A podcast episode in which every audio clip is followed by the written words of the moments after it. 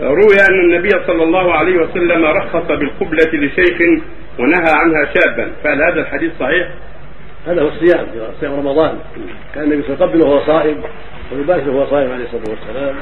فالصائم له أن يقبل امرأته فله يباشرها وهو صائم. إذا كان يأمن وقوع الفاحشه إذا كان شهوته ليست سريعة ولا يضره ذلك فلا حرج عليه.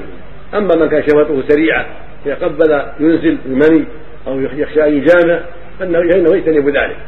ويروى أنه صلى الله عليه وسلم رخص أنه رخص للانسان في القبله ومنعها آخر فنظر في ذلك فإذا مرخص له شيخ وإذا الذي وإذا الذي نهي عن ذلك شاب. هذا لو صح في سنده ضعف رواه أبو داود في سنده ضعف. لكن لو صح وجهه أن الشيخ الغالب أضعف. أضعف شهوة والشاب أكثر شهوة وأقوى. فلهذا نهي عن المباشرة لقوة شهوته ولكن الحديث ضعيف. والحديث الصحيح دالة على جوازه للجميع الحديث الصحيحة دالة على جواز المباشرة للمرأة وتقبيلها في الصوم من الشاب والشيخ جميعا.